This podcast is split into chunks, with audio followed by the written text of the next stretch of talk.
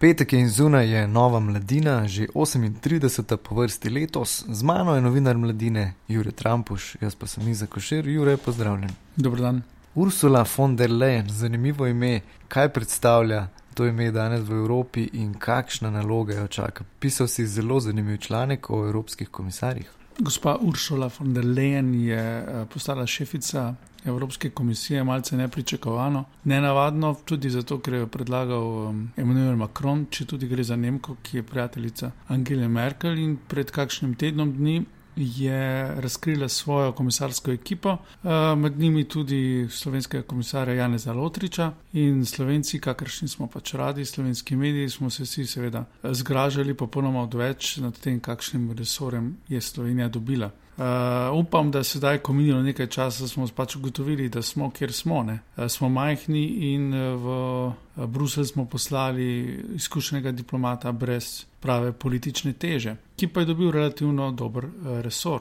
Ampak zgodba se je odvila vnaprej v teh dnevih in pišemo o tem. Ampak slovenski kandidati v primerjavi z drugimi v bistvu še zelo v redu. Ne?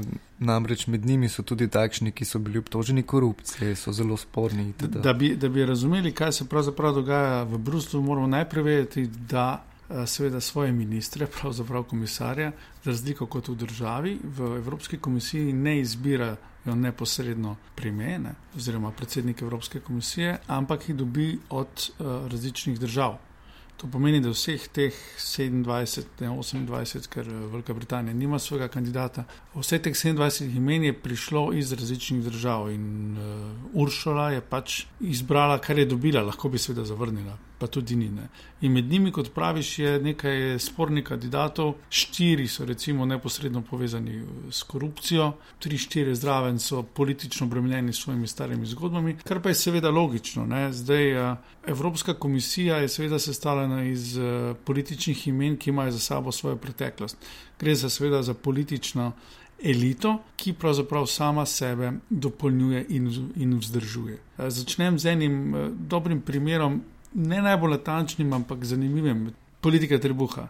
Poljak Kapučinski, znan že pokojni novinar, ki je v 60-ih letih se gibal v veliko v Afriki in tudi literat, razvil literarno novinarstvo, je pisal pač o tem, kaj se je dogajalo v Afriki, potem, ko so kolonizatori zapustili uh, svoje palače in svoje dvore in svoje avtomobile in svojo pokošeno travo v teh afriških državah.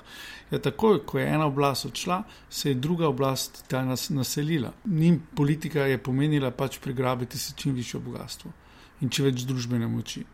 Ne pravim, sveda, da so vsi evropski poslanci takšni, ki hočejo svojo politično moč izkoristiti za pridobivanje politične, eh, družbene moči in bogatstva.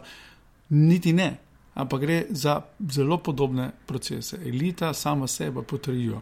In ne boš verjel, Ursula von der Leyen je tukaj ena izmed boljših. Namreč ona je ženska z zelo zanimivo zgodbo.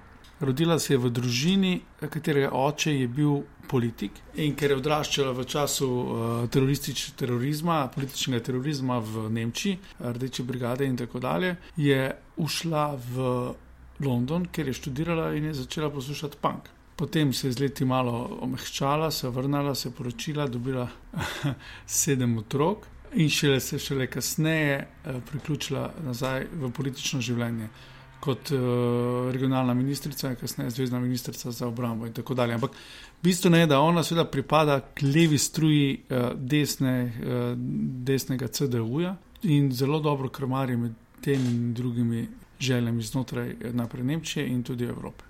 In za razliko od njenega predhodnika Junkerja, ne tako zelo rada pogleda globoko v kozarec.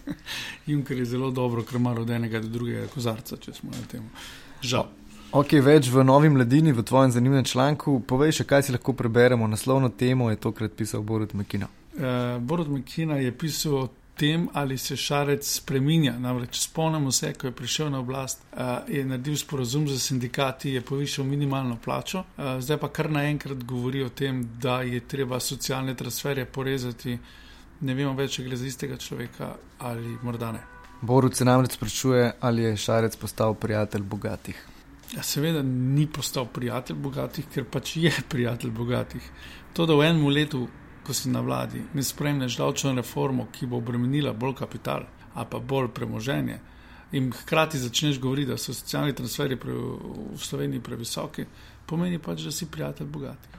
Intervju pa je tokrat z najbrž najaktualnejšo osebo na svetu, eh, z žvižgačem številka ena, Edwardom Snownom, ki je najbrž poleg uh, Grete res najbolj iskana oseba na svetu. Ja, te dni je izdal svojo autobiografijo, mi smo uspeli dobiti intervju, sicer niso ga naredili naši novinari, ampak whatever. In ko sem prebral ta intervju, sem se začel, sem se odločil, da bom čisto drugače uporabljal telefon, kot ga uporabljam, najraje ga bom kar ugasnil. Skratka, obvezno branje ne gre se samo za snovno, ampak tudi za vse nas. Tako je.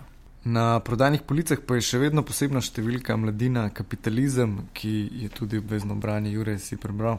Ne še celo, vendar vse stvari, o katerih govorimo danes, so se začrtale pred stotimi, 150 leti in v tej posebni številki je to zelo dobro razloženo. Pravzaprav obvezno branje za razumevanje današnjega sveta in prihodnosti.